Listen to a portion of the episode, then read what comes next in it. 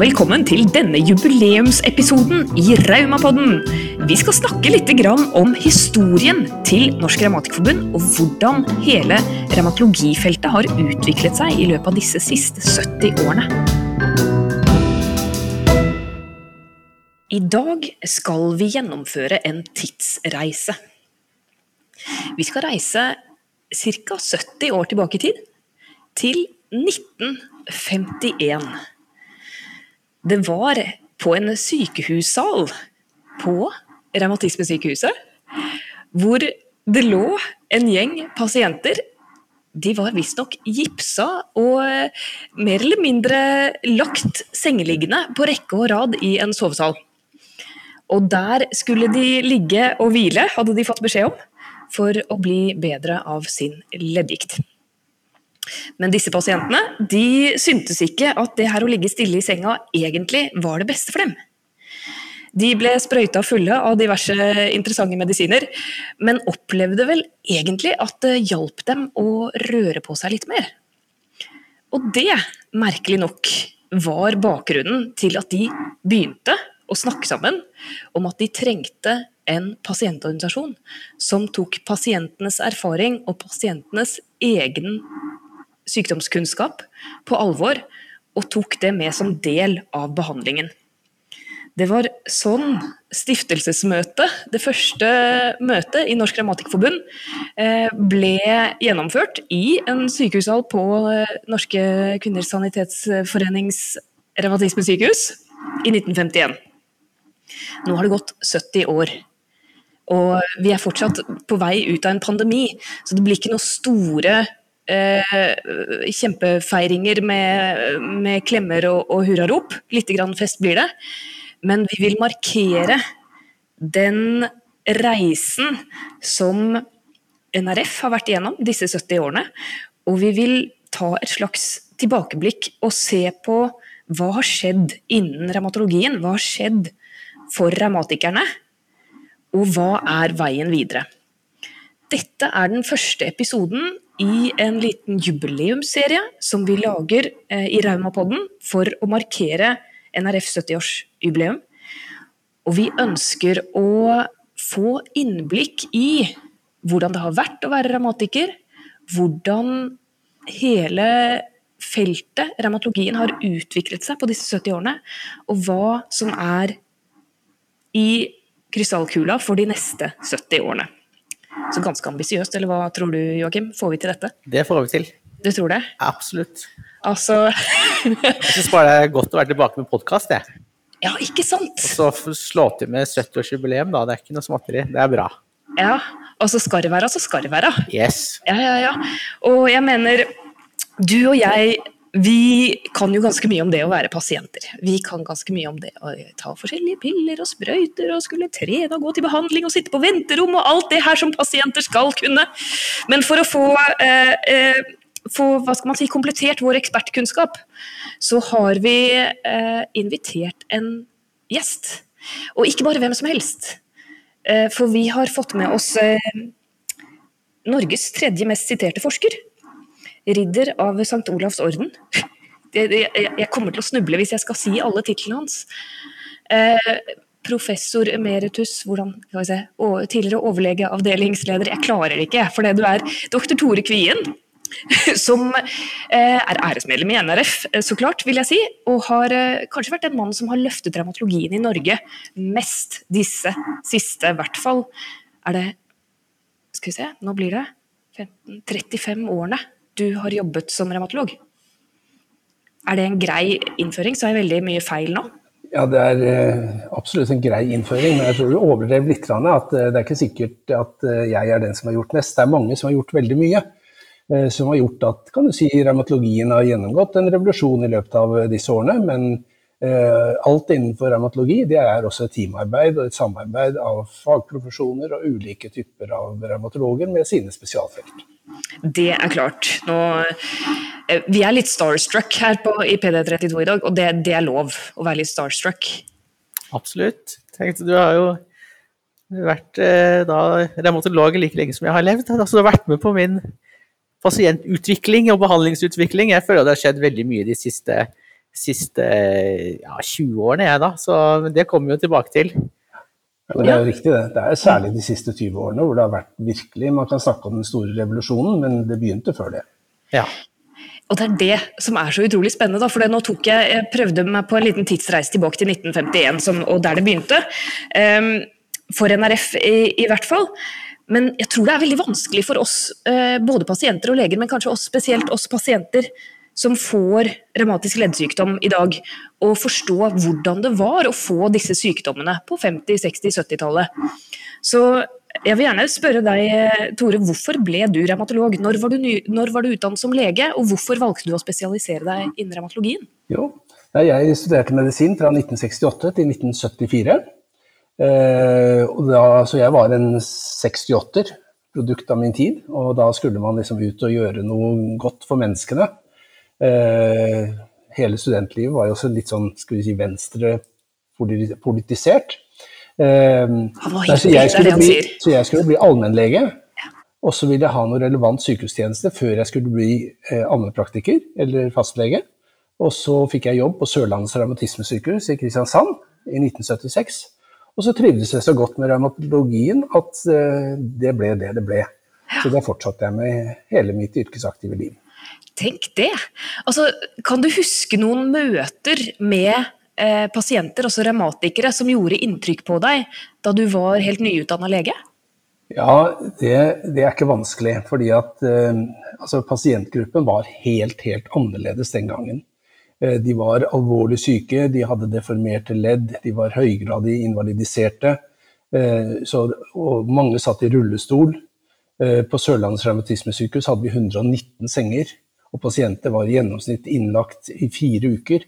Så det var jo helt, helt annerledes. Og revmatologien den gangen, hvis vi da går tilbake til 51 og enda lenger tilbake, så er det klart at eh, badekurmedisinen var jo på mange måter eh, utgangspunktet også for revmatikeromsorgen, sånn som den var drevet den gangen. Og jeg husker at det var et møte i Bergen i 1987 eh, som Eima Munthe, som da også hadde vært leder av Norsk Revmatikerforbund, Eh, var hovedorganisator for. Og han laget også en utstilling i Bryggens museum sammen med meg og noen andre som het 'Fra badekur til moderne raumaomsorg'. Som illustrerer det at uh, Sandefjord bad osv. det var liksom utgangspunktet for veldig mye av det man gjorde i på revmatismesykehuset som kom, og hvor da Norske kvinners sanitetsforening gjorde en kjempejobb med å bygge opp revmatismesykehus i Oslo, Lillehammer, Haugesund og andre steder. Men altså, vi bader jo fortsatt. Tenk, det var fra badekur var der det kom fra, og vi holder på med det fortsatt. Ja, men nå kaller vi det ikke bading lenger, da. Det er jo trening, varmtvannstrening, høyintensivt og Det er mer trening i vann, da. Det er kommet langt på den biten der òg, så Men eh, å, oppsøke spa og sånn, jeg sier ikke nei takk til det fortsatt, jeg også, men eh, baserer ikke all, all trening og behandling på bading. Ja. Så... På de gamle badene så var det jo gytjebehandling, og det var varmepakninger, og det var kan du si, ulike typer av liksom vannmassasje og sånne ting, så vidt jeg har forstått. Mm. Men det må jo ha vært egentlig bare smertelindring, eller hva? For altså, leddene ble jo ødelagt, det, det var det dere så. Altså, eh, kun, man kunne ta røntgenbilder og se disse endringene, men da var det vel allerede altfor sent å gjøre noe med det? Ja. Man hadde jo ikke heller noe kan du si, det vi kaller for sykdomsmodifiserende behandling den gangen. Så, så, alt var egentlig snakk om symptomlindring. Symptomlindring. Og, og når du Joakim, snakker om trening, så altså eh, badekurbehandlingen den var jo mye mer passiviserende. Og som du sa Anna, i starten, altså de som da dannet Norsk Grammatikerforbund, de var eh, lagt til sengs på Oslo Sanitetsforenings revmatismesykehus. Og det var jo sånn man trodde at man, man skulle ta det med ro, man skulle ligge for å bli bedre. I dag så vet vi jo at slik er det ikke. Det er faktisk helt motsatt. Ja. Altså, jeg har jo opplevd det i min pasientkarriere, for jeg kom inn som pasient i 1994. Og det var vel akkurat da du overtok som leder for avdelingen for revmatologi på Diakonhjemmet sykehus. Da kom jeg inn som 19-åring med noe rare ledd Ja, det, det flamma opp veldig fort. Og jeg fikk beskjed om å ligge og hvile, og jeg måtte ha pute under knærne så, ikke, så knærne ikke stivna med rette ben. Eh, det var, det var, noe sånne rare Og så, så, kunne jeg få komme på varmtvannstrening en gang i uka, og så fikk jeg gullsprøyter i skinka. Eh, og ellers så var det bare den der eh, trøst og tro og håp at eh, etter hvert som leddene dine blir brutt ned, Anna, så skal vi kunne bytte de ut med, med noen proteser. Og da var jeg 19 år. Eh, og det var trygd meg her, og det var grunnstønad til ditt og datt. Og det var det ene, og her er det en ny rullestol, som heldigvis er så mye lettere enn den gamle. Det var eh, det jeg ble forespeilt da jeg fikk RA da på 90-tallet. Ja. Selv så sent. Ja. Så hva skjedde etter det? For det er liksom, ok, Jeg må bare spørre om én ting først. Eh, Jeg er jo opptatt av barneleddgikt og har jobbet i Burgå. Og lurer på, Visste man i det hele tatt om at barn kunne ha leddgikt på den tiden? Og ja, eh, det, altså faktisk da jeg jobbet på Oslo Sanitetsforenings revmatismesykehus, eh, det var fra 1978 og fremover til jeg disputerte i 1986 med noen avbrudd på Rikshospitalet og litt sånn.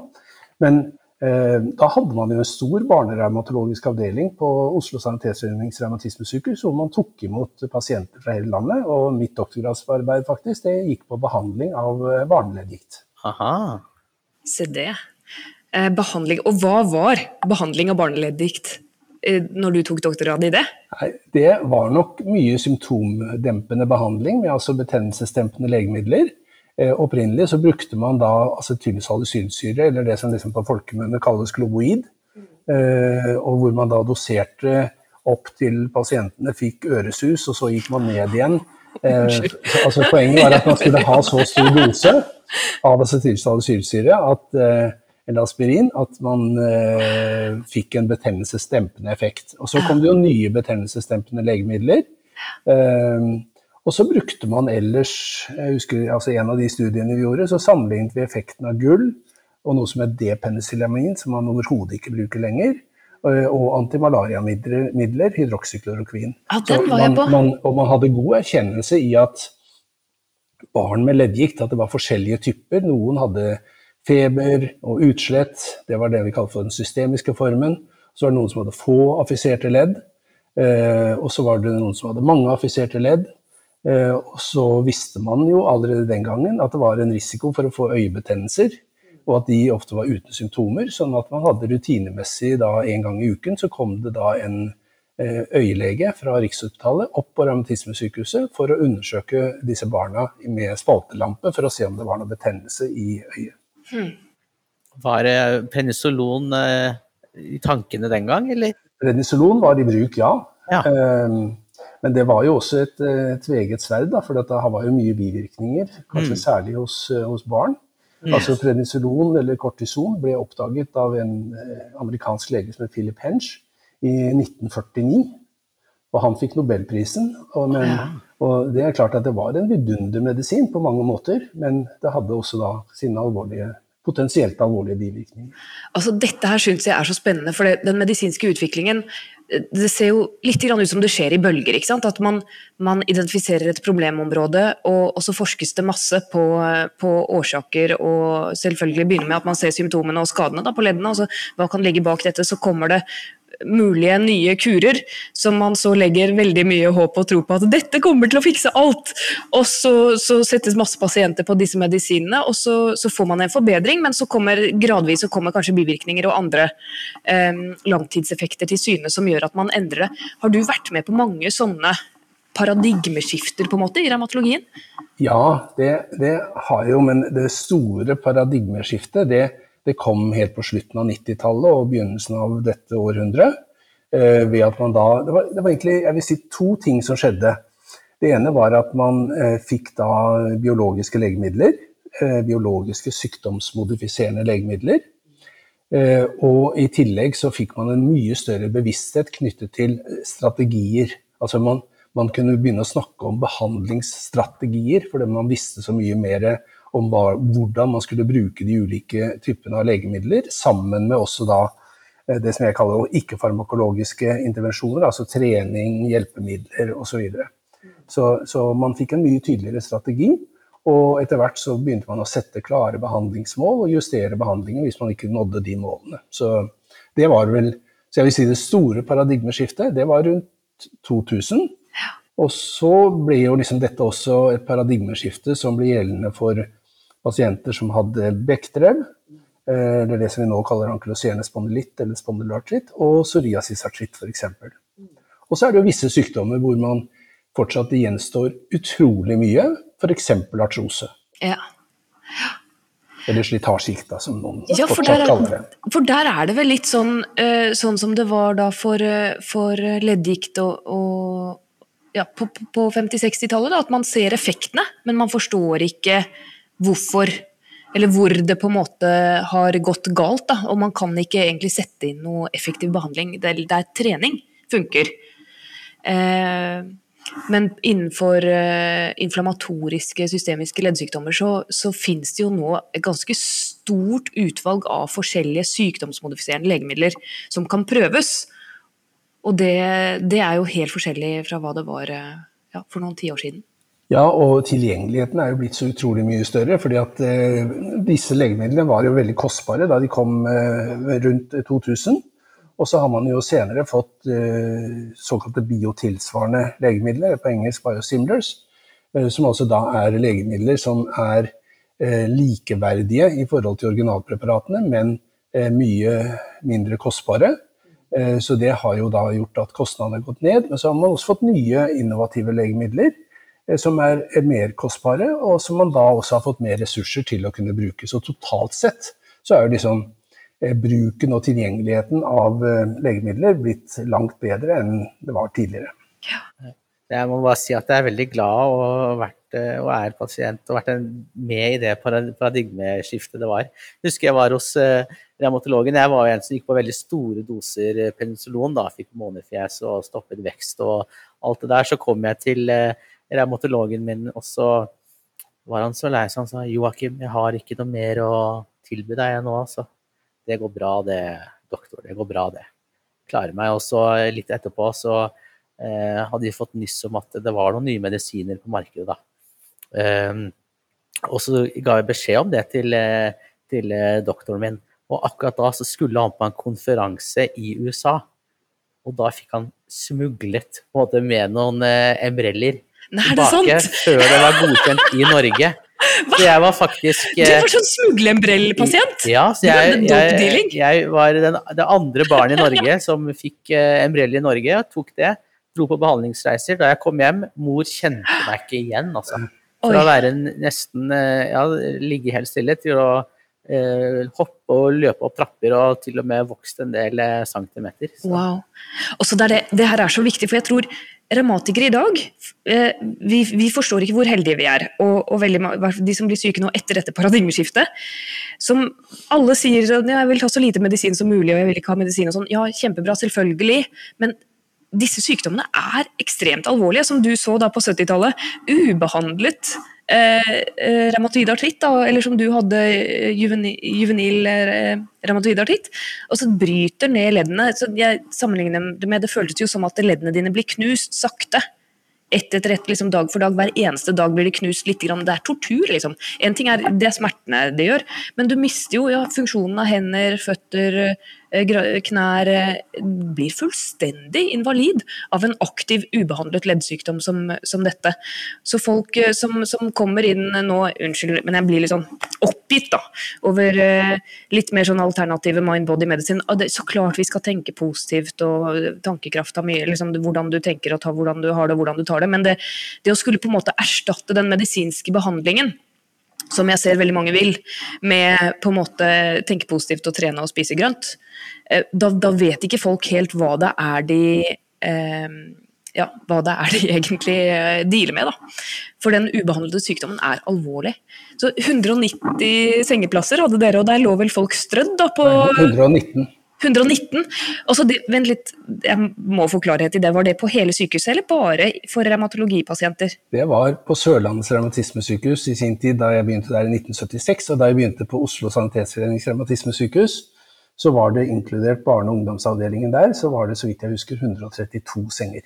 Så 132 inneliggende pasienter til enhver tid. Og da du eh, gikk av med pensjon, var det i 2019, og du fikk eh, fortjenestemedalje og alt sånn, og hadde vært avdelingsleder på Diakonhjemmet i mange år, hvor mange senger var det på sykehuset da? For det vet jeg, ble, vi, vi trenger jo ikke like mange lenger. Nei, det har forandret seg helt. Altså Revmatologi er i hovedsak i dag et poliklinisk fag, Ja.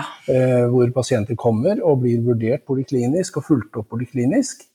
Mens tidligere så lå man da inne og var innlagt. I Eh.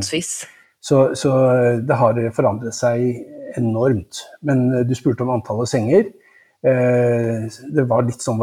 Seks til åtte senger Ikke sant. hadde vi da. Ja. men så har jo også da revmatologisk avdeling på Diakonhjemmet siden, 19, eh, siden 2000 hatt en såkalt nasjonal behandlingstjeneste for revmatologisk rehabilitering, som er fem senger. Så må, vi skal ikke glemme det også, at det er en del mennesker med revmatiske sykdommer eh, som har hatt sykdommene lenge, og som kanskje fikk sykdommen før man fikk moderne behandling, og som har eh, skal vi si, både fysiske og psykososiale konsekvenser av sykdommen, med et behov for et sammensatt eh, rehabiliteringsopplegg.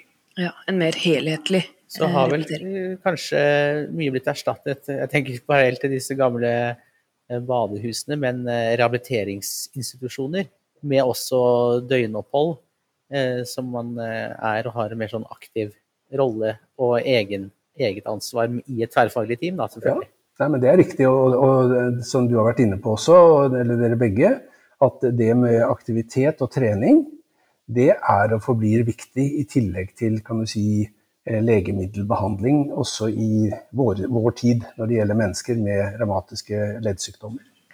Og da må vi jo tilbake til, eh, til det, det vi feirer i år, også NRFs 70-årsjubileum.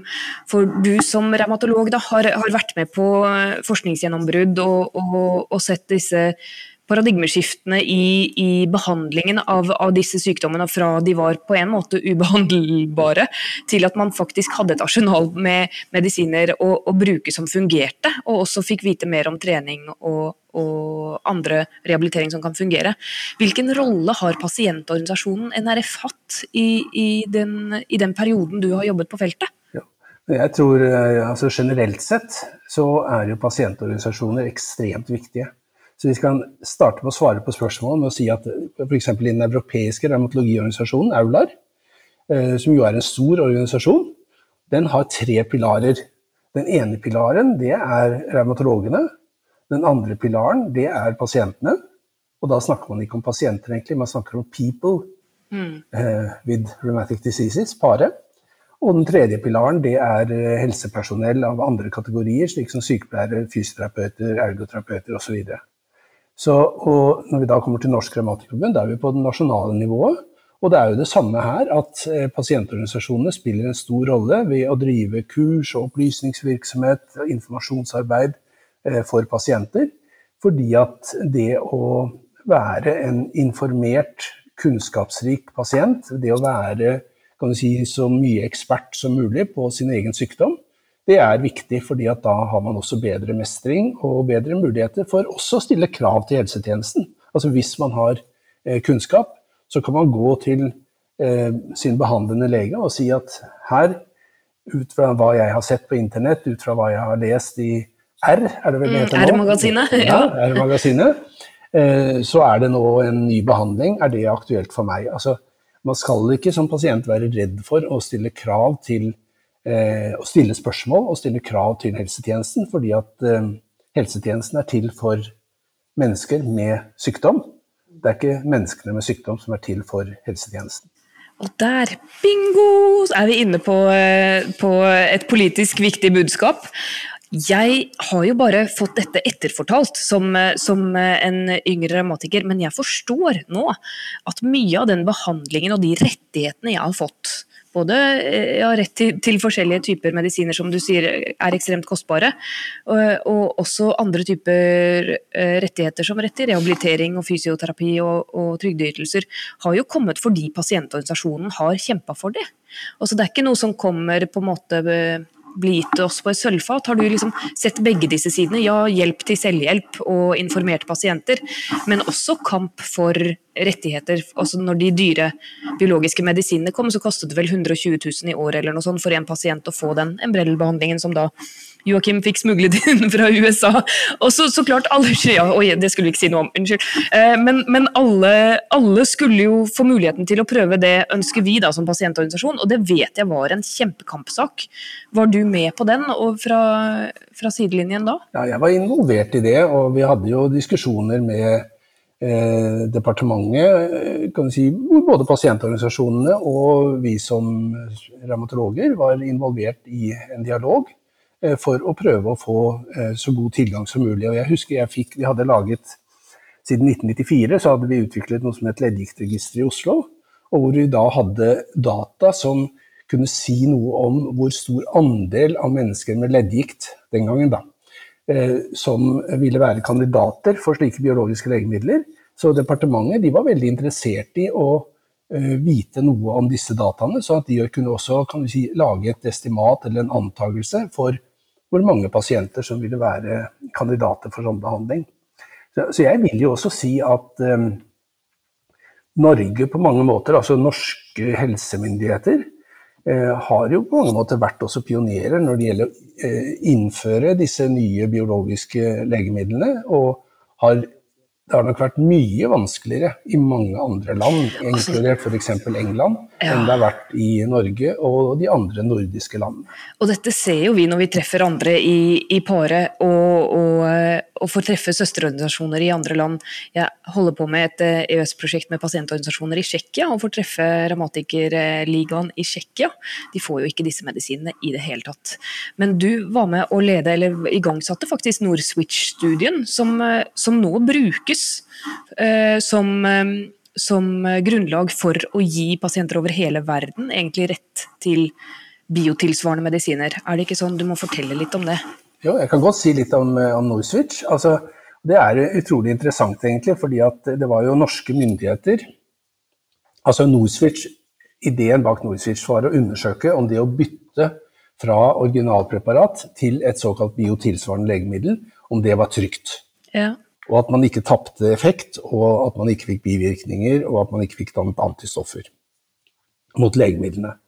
Og så var det eh, i statsbudsjettet for 2014 så ble det avsatt 20 millioner for å gjøre en såkalt byttestudie. Det var ikke sagt nøyaktig hva det skulle være, men jeg husker jeg var i første møte med departementet eh, høsten 2013, eh, etter at statsbudsjettet var lagt frem. Hvor vi da med en gang begynte å diskutere hvordan vi kunne designe en, en slik studie, som da ble til Nordswitch-studien. Så da var det en gastroenterolog og meg, og så var det en, eh, altså en mage-tarmspesialist og meg, og så var det eh, noen fra Legemiddelverket, og i tillegg til representanter for departementet. Så det var på en måte liksom eh, fødselsmøte, kan du si, på Nordswitch-studien. Og første pasient ble inkludert i Nordswitch i september eh, 2014. Og Eh, siste pasient gikk ut av studien i juni 2016. Eh, og så publiserte vi resultatene i Lancet i 2017, eh, i mai 2017. Så det er helt riktig at det var en studie som har fått stort, stor betydning og stor oppmerksomhet internasjonalt. internasjonalt ja. Og lagt grunnen da for at man kan si at det er trygt å bytte, og i Norge så bytter man jo hvis man kan spare ressurser. Og det som er paradokset, er jo at i en del andre land eh, så er godkjenningen av biotilsvarende legemidler mye, mye langsommere enn det den er i Europa. sånn at land med dårlig økonomi de er faktisk mye tregere i å ta i bruk biotilsvarende legemidler enn det vi er i, i Norge. Ja, jeg føler at vi er veldig heldige i Norge, ja, absolutt. Og jeg merker jo det at med disse kompetansetjenestene som er rundt omkring, og som, eh, hvor også eh, pasientrepresentanter er til stede. Eh, og, jeg, har vært med som pasientrepresentant og laget eh, anbefalinger for når man eh, skal få biologisk medisin, og at pasienter er med i den bestemmelsen òg, da.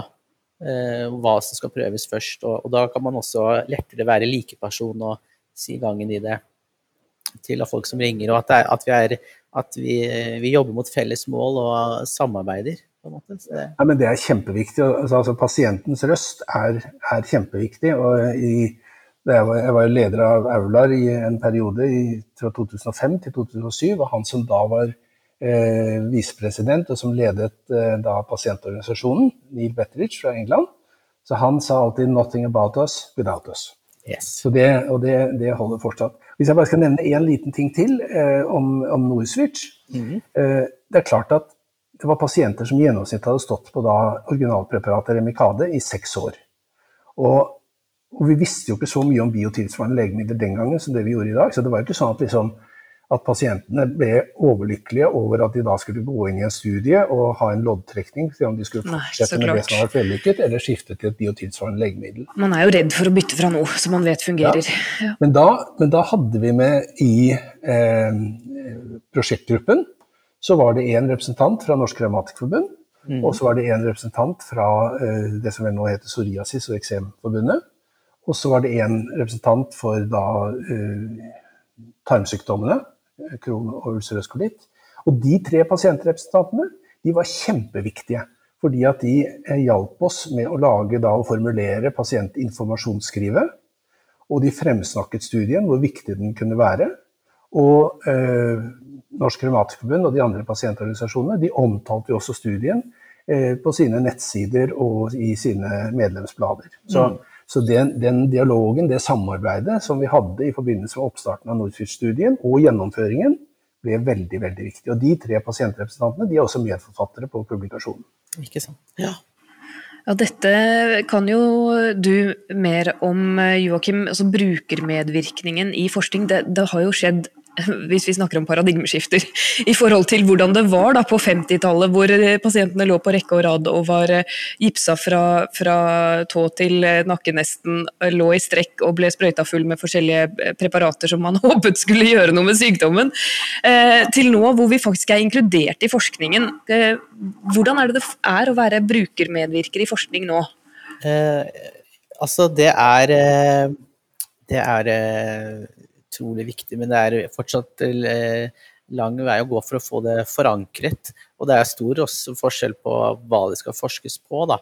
Men eh, eh, allerede tidlig i forskningsprosessen så kan eh, pasienter være med å bestemme litt liksom, hva det skal forskes på. At det er eh, eh, relevant for de som skal ha glede av resultatene av forskningen.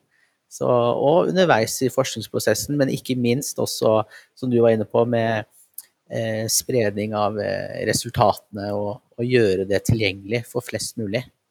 Så mm. Jeg er jo opptatt av det at vi skal få være med å bestemme hva det skal forskes på. Og, og for å sitere Neil Betridge, som, eh, som eh, jeg også har truffet, så fantastisk inspirerende fyr.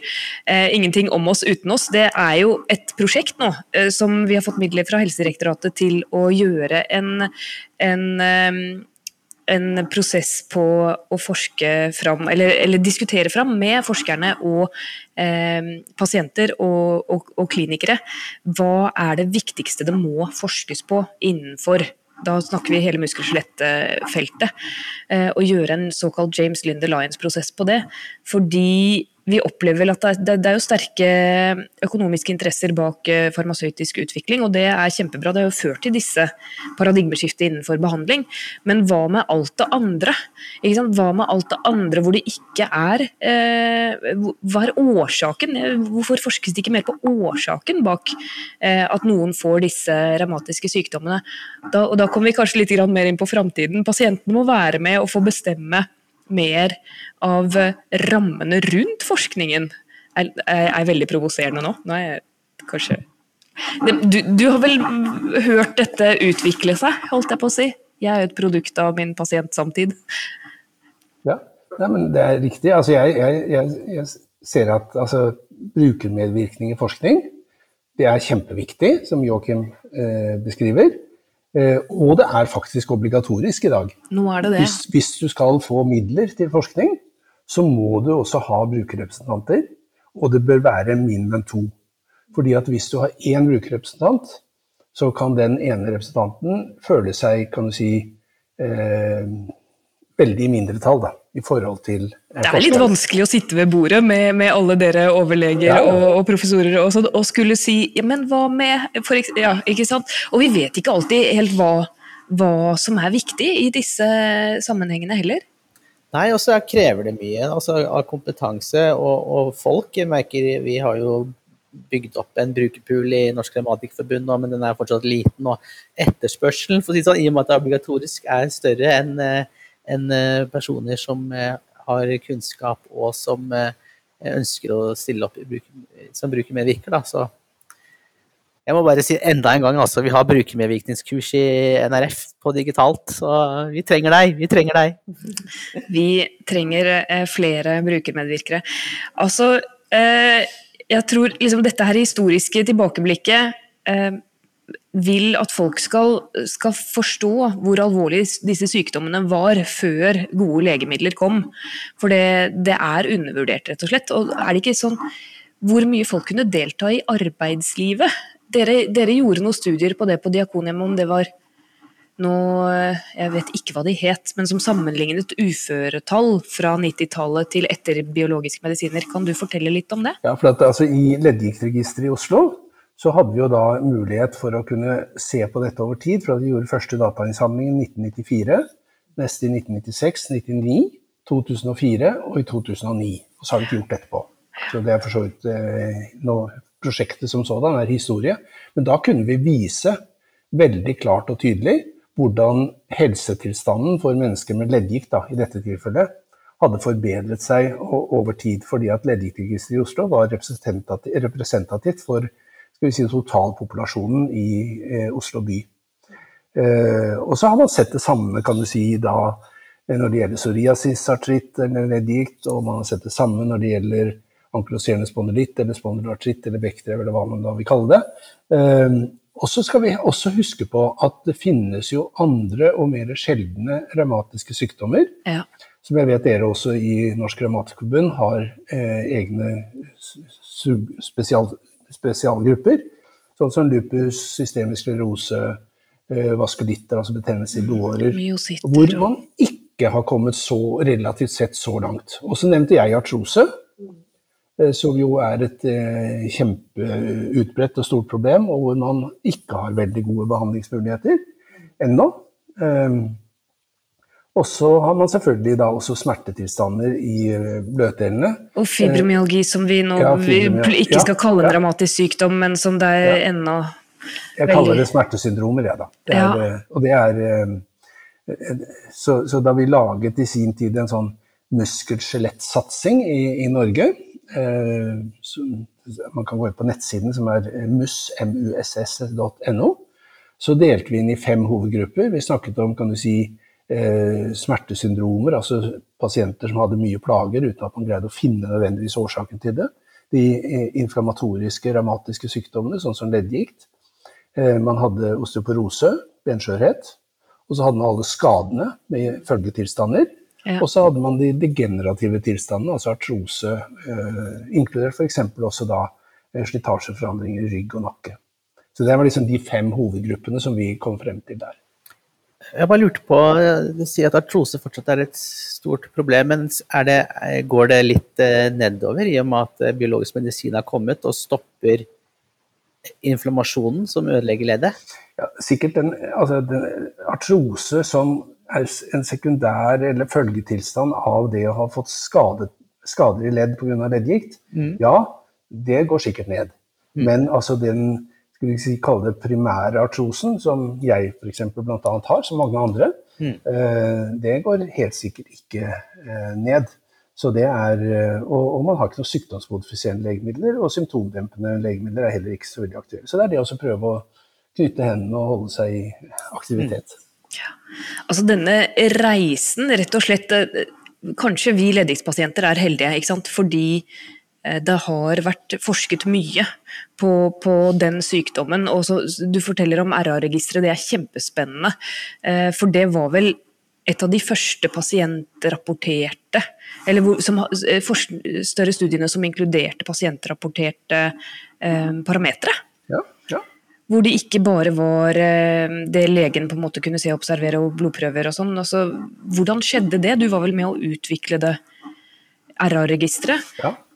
Nei, men det, det, er helt riktig det at vi baserte oss på, eh, på spørreskjemaer. Og i revmatologien er vi så heldige at vi har veldig gode spørreskjemaer som er godt hva vi kaller for validerte. Altså de er, de er undersøkt at de virkelig kan du si, reflekterer ting som er viktig for pasientene.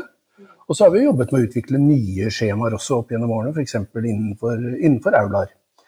Uh, men det bringer meg over på Hvis jeg kan nevne en annen viktig ting i forbindelse med det, at du har liksom tre Hvis vi tar leddgikt som eksempel, da.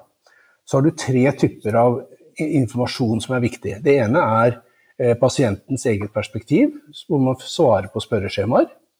Det andre er å ta røntgenbilder eller bruke annen bildediagnostikk for å se på leddskade. Og det tredje er å måle betennelsen.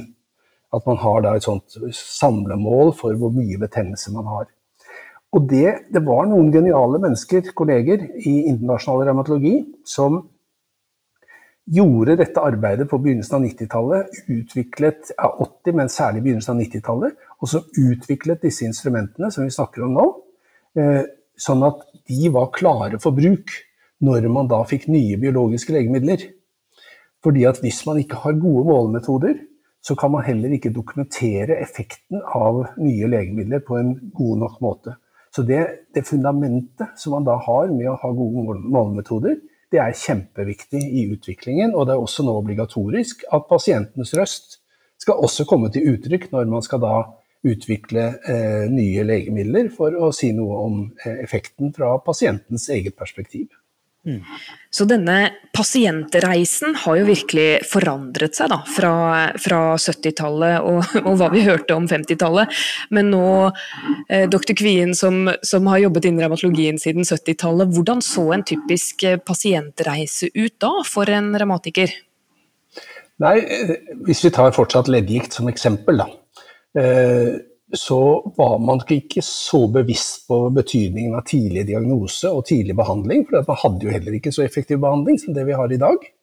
Eh, så reisen var nok, skal vi kalle det, langsommere. At det tok lengre tid fra man ble henvist fra fastlegen sin til spesialisthelsetjeneste, og man hadde sikkert også mer ventelister enn det vi har i dag. Så i dag er det helt annerledes. Vi har De siste årene så har vi drevet aktiv informasjonsvirksomhet overfor leger i primærhelsetjenesten. Vi har arrangert kurs hvor vi lærer legene hvordan de skal undersøke ledd. Eh, vi forteller dem hvordan, hvilke pasienter som absolutt bør henvises. Og vi har i realiteten ikke noen ventetid for mennesker som vi tror har, eh, kan ha leddgikt. Så fokuset blir kanskje på i fremtiden enda tidligere diagnostisering og mer effektivt, at flere kan komme tidligere inn. Jeg tenker på dette med Tidlig ultralyd har man jo hørt litt om. Eh, kan du si noe om det, eller? Ja, ja det kan jeg gjøre. For at, altså, det er um, Jeg kan svare på den måten at i Aular, så, altså den europeiske revmatologiorganisasjonen, så, så var det en arbeidsgruppe som jobbet med kan du si, å identifisere pasienter før de ble syke. Jaha. Altså, Når var det cirka? At de begynte med det? Det er vel en fem-seks år siden at vi hadde den arbeidsgruppen. Ja. Eh, så egentlig så snakket man om eh, pre-rheumatoid arthritis, altså før eh, rheumatoid artritt, men så omformulerte man dette til risikofaktorer for å utvikle leddgikt. Så man mm. vet f.eks. at noen får sånne antistoffer i blodet som er typisk for sykdommen, før de får selve sykdommen. Og da kommer bl.a. dette med ultralyd inn i bildet. At med ultralyd kan man kanskje påvise betennelse i leddene som man ikke greier å se eller kjenne med sine fingre. Og på den måten så greier man også da å eh, identifisere mennesker som med høy sannsynlighet vil få leddgikt eh, senere, om et mm. år eller to. Og at man kanskje kan da starte med en eller annen form for forebyggende behandling. Vi er ikke der ennå, men det har vært gjort noen studier eh, med si, det forebyggende perspektivet. Eh, og det er nok ting som det vil være mer av i eh, årene som kommer. Ja, og det er jo en spennende studie nå. Jeg håper at vi får eh, senere podkaster en representant fra en som forsker på mor-barn-undersøkelsen. Det er mange, mange mødre som har, og fedre for så vidt, som har gitt data i et langt tidsforløp. Og blant dem så er det eh, naturlig nok da, en del som har fått, eller dessverre nok, som har fått revmatisk sykdom. Og da kan man se på nettopp sånne eh, faktorer som kan forårsake eh, revmatisme. Så det blir jo spennende å følge med i fremtiden på det òg. Hvis vi skal se på eh, når av og til at man får da forsinket diagnostikk og behandling, så er det etter mitt skjønn tre hovedårsaker til det. Det ene er at mennesker som får hovne ledd f.eks., ikke skjønner at dette kan være leddgikt, og ikke oppsøker mm. lege. Det andre er at den legen som sitter og er fastlege, ikke, eh, ikke, ikke, skjønner at det er leddgikt, eller kan være leddgikt, og ikke mm. henviser. Og det tredje er eh, at eh, man i poliklinikkene eller sengeavdelingene har ventetider. Mm. Det har vi omtrent eliminert nå, det siste. Og så jobber vi som sagt med kunnskapsoverføring. Så det mm. er, det er viktig. Og vi må jobbe med pasientopplysning, ikke sant. Ja. Den derre har du hovne ledd, og, og, og, spesielt hvis det er symmetrisk osv., da skal du til revmatolog så fort som mulig. Mm. Fordi det, ja, dette er tidsaspektet igjen, da. Hvis, eh, hvis en pasient på 70-tallet kom inn eh, på en måte sent, da kanskje leddene allerede holdt på, da kunne man kanskje allerede se skadene på røntgen, for det kommer vel litt sent i forløpet, gjør det ikke det? Jo, jo. Jo, for Dette kan illustreres også med at de klassifikasjonskriteriene for eh, diagnosen eh, artritt, eller leddgikt, som ble utviklet i USA i 1987 eh, Av syv elementer så var én røntgenforandringer. Ja. Og så når da den amerikanske revmatologiorganisasjonen og Aular sammen utviklet nye kriterier i 2010, da var røntgen ute. Ja. Så da hadde man mye mer fokus på kan du si, alle forandringer som lå forut for leddskade. Målet var å stille diagnose og komme i gang med behandling før man hadde skade på brusk og bein. Ikke sant, for det, det, det, virker jo så logisk. Hvis vi kommer inn med behandling når skaden allerede er skjedd, da er det ganske vanskelig å, å endre noe, eller? Ja, nei, men det er riktig. Altså, leddskaden er jo eh, den, den er der stort sett for å bli der. Eh, hva, tenker du at i fremtiden eh, at pasienter kan bli flinkere på å gjøre for å holde sykdommen i sjakk, bli bedre, men også dette med å unngå komorbiditeter eller tilleggssykdommer som følge av revmatismen, det er jo også noe som har blitt mer fokus på i det siste. Tenke på om det, er, om det, skje, om det kan skje noe på f.eks. kosthold eller livsstil eller noen type ingredienser, eller liksom hva man kan gjøre selv. Mm. Ja, det, et, det, du trekker fram der, Joakim, det er et kjempeviktig poeng. og eh, Det er jo særlig hjerte-kar. Altså, vi mm. vet at den betennelsen man får i forbindelse med revmatiske sykdommer, den gjør også at man får uh, arteriosklerose, altså mm. tettere blodårer, som kan gi hjerte-karsykdom. Derfor har vi f.eks. på revmatologisk poliklinikk på Diakonhjemmet sykehus også en hjertespesialist som jobber i revmatologisk avdeling, og som driver det vi kaller for forebyggende hjerte-revmaklinikk. Mm. Mm. Men hva du da kan gjøre selv, for å komme tilbake til det, det viktigste er at man ikke røyker. Ja. Fordi at røyking det reduserer eh, effekten av behandlingen. Mm. Og det er i seg selv en risikofaktor for hjerte-karsykdom, og en risikofaktor også for så vidt for å få leddgikt. Akkurat. Så, så røyking er uh, veldig lite fornuftig. Mm. Uh, og så er det når det gjelder kosthold, så er det vel sånne generelle livsstilsråd om at man skal uh, spise sunt, ikke så mye sukker, ikke så mye fett, mm. grønnsaker. Altså, og det er jo aldri bra å bli overvektig, men så, så, det er i grunnen et sunt og godt livsstil og kosthold som er det viktige. Mm. For jeg merker nå liksom, som det er mer fokus på, det er på en måte resultatet av behandlingen. Vi snakker mye om, snakker mye om at det skal være begrense betennelse, unngå skadet ledd og sånn, og det er jo selvfølgelig viktig. Men jeg ser på en måte at det er Man ønsker at man skal leve gode liv. Vi snakker om eh, eh, livskvalitet, men ikke bare livskvalitet, men også well-being, og ikke en eh, hedonistisk forstand at man skal bare kose seg hele tiden, men at man skal være tilfreds og fornøyd.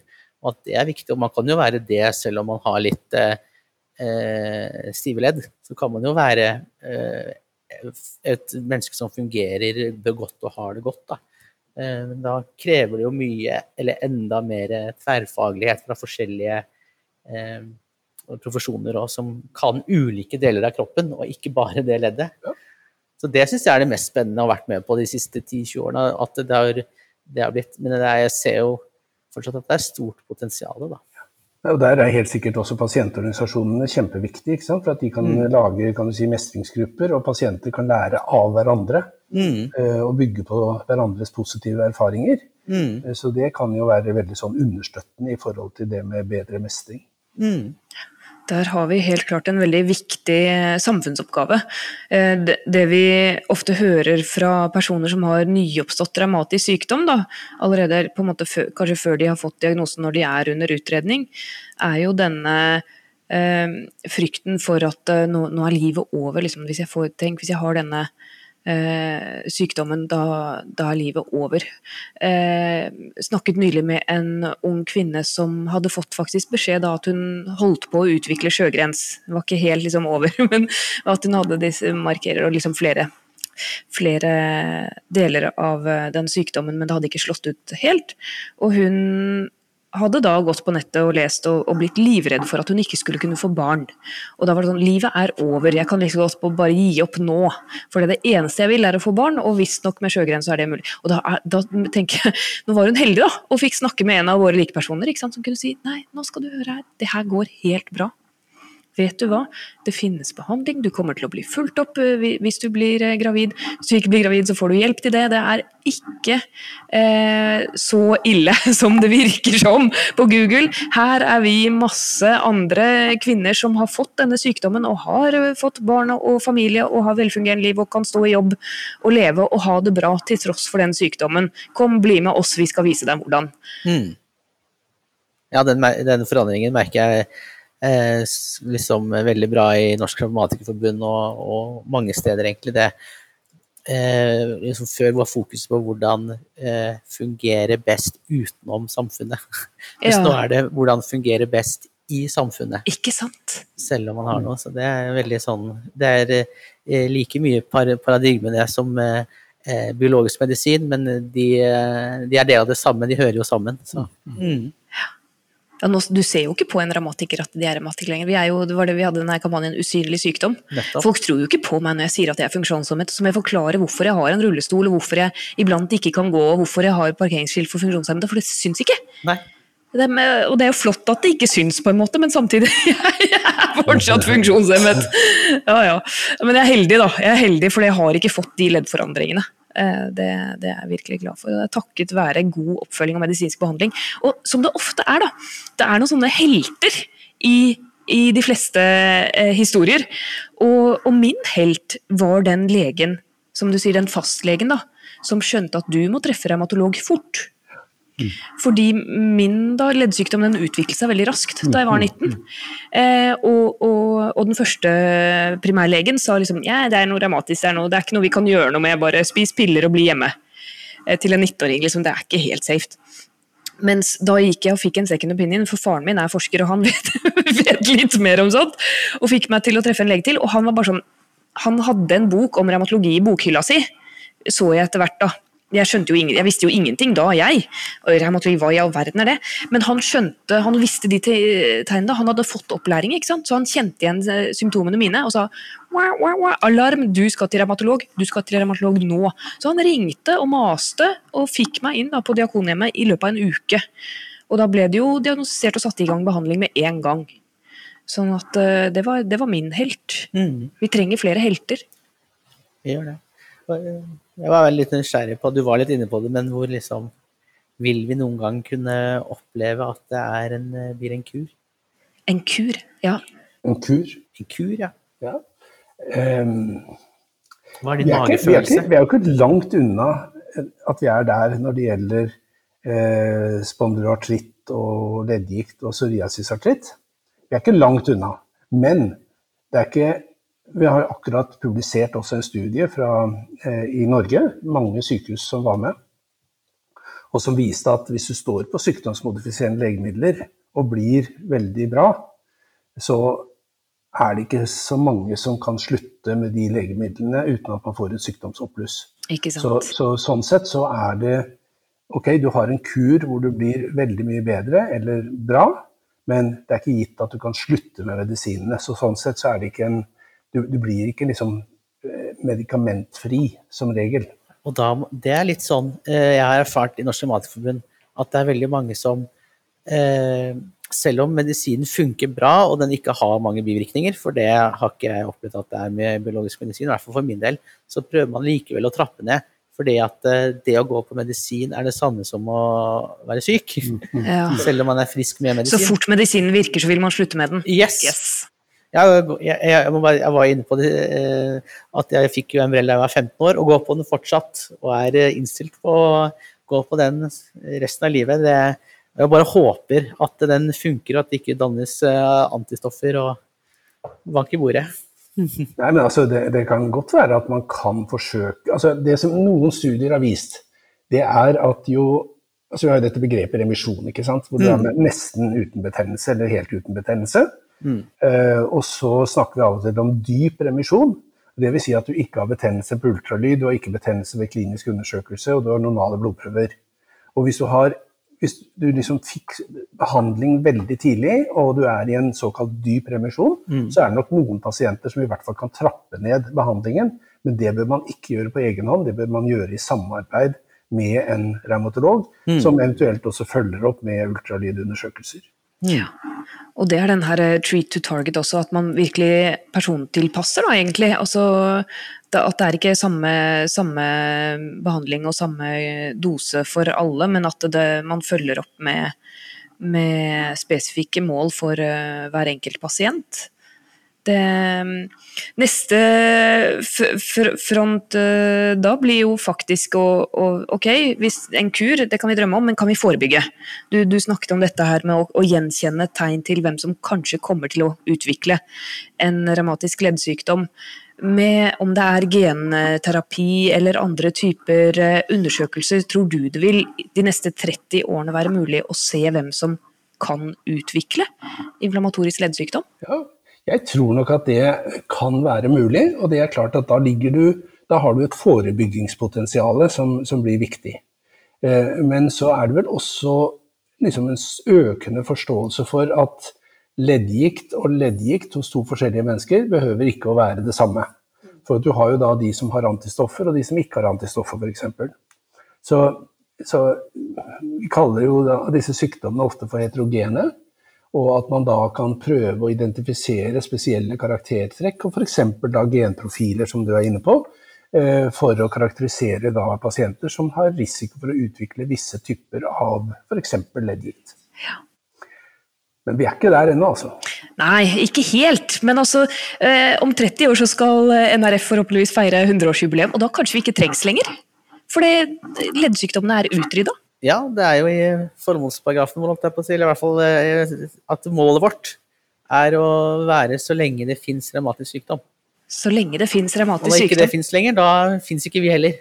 Da... Men, det, men, det, tror jeg, ut ifra det perspektivet som jeg nevnte i stad, altså denne muskel-skjelettsatsingen hvor du snakker om fem hovedgrupper Artrose vil i hvert fall finnes fortsatt mm. om 30 år. Det er det ingen tvil om. Jeg tror Norsk Revmatikerforbund har en oppgave langt fremover. Og Det som blir spennende, er å se på denne utviklingen innen velferdsteknologi. Da, at det blir eh, kanskje ikke så mye fysisk eh, oppmøte på verken sykehus eller rehabiliteringsinstitusjoner lenger, men at man får elektroniske eh, devices som eh, styres og kommuniseres, og at det blir registrert og ja. Mm. Altså, Mulighetene er jo nesten endeløse, men det vi trenger, det vi er helt sikre på at vi trenger, vi trenger mer forskning. Yes. Og det må forskes mer på muskel-skjelett generelt, det må forskes mer på revmatologi, og det må forskes mer på forebygging. Og vi i Norsk Revmatikerforbund har jo faktisk et eget forskningsfond. Og som en eh, liten avslutning på denne jubileumsepisoden i Raumapodden, så vil jeg eh, foreslå for alle de der ute som brenner for å, å, eh, at det skal rett og slett utrydde revmatisk sykdom, i hvert fall jobbe, forskes mer på, eh, på både behandling og forebygging, så syns jeg dere skal eh, gi en gave til Forskningsfondet, som går direkte til, på, til støtte av eh, forskning på revmatisk sykdom. Men eh, det var eh, dagens budskap. Altså, vi har snakket i, i, ganske lang tid nå. Vi, vi, får runde av, rett og slett. Eh, eh, jeg, må, jeg, må, bare si at jeg ble veldig positiv og glad av denne episoden her. Altså, fordi eh, det gir jo veldig mye håp for fremtiden. Det som har skjedd de siste årene, og tenk deg den utviklingen som kommer til å skje hvis det er i like stort tempo de neste årene der igjen. Det blir spennende å se hva podkasten handler om om ti år. Kunnskapen er kumulativ. Ja. Det, det, det fins håp for oss. Da skal vi runde av denne episoden av Raumapodden. Tusen takk, doktor Kvien, som kom hit til oss i Raumapodden i dag. Og eh, må du være æresmedlem lenge, lenge, lenge og få oppleve det neste store gjennombruddet Det håper jeg vi alle sammen kan feire om ikke lenge. Tusen takk for at dere inviterte meg, og tusen takk for å kunne være her i Professor Dahls gate 32, dette vakre huset. Hei da! Helt på slutten vil jeg gi deg, kjære lytter, en liten oppfordring. Som du har hørt i denne episoden, så er virkelig nøkkelen for å løse gåten om revmatisk sykdom, det er at vi får til mer forskning. Og hvis du vil være med å støtte dette viktige arbeidet, så er den aller beste måten du kan gjøre det på, å gi en gave til NRFs forskningsfond. Forskningsfondet deler ut midler til forskning som er spesielt viktig for pasientene. Du kan gi en gave i dag til kontonummer 7035 05 26 704. Det var kontonummer 7035 05 26 704. Det er Norsk Grammatikerforbunds forskningsfond. Vær med du også og støtt om denne viktige forskningen. Det er ikke hver dag vi her i Raumapodden har besøk av en vaskeekte ridder. Men det har vi altså hatt i dag. Utrolig spennende å få snakke med dr. Tore Kvien om den historiske utviklingen innen revmatologien. Håper du har hatt glede av denne episoden, og takk til Podmaster som har fiksa lyden.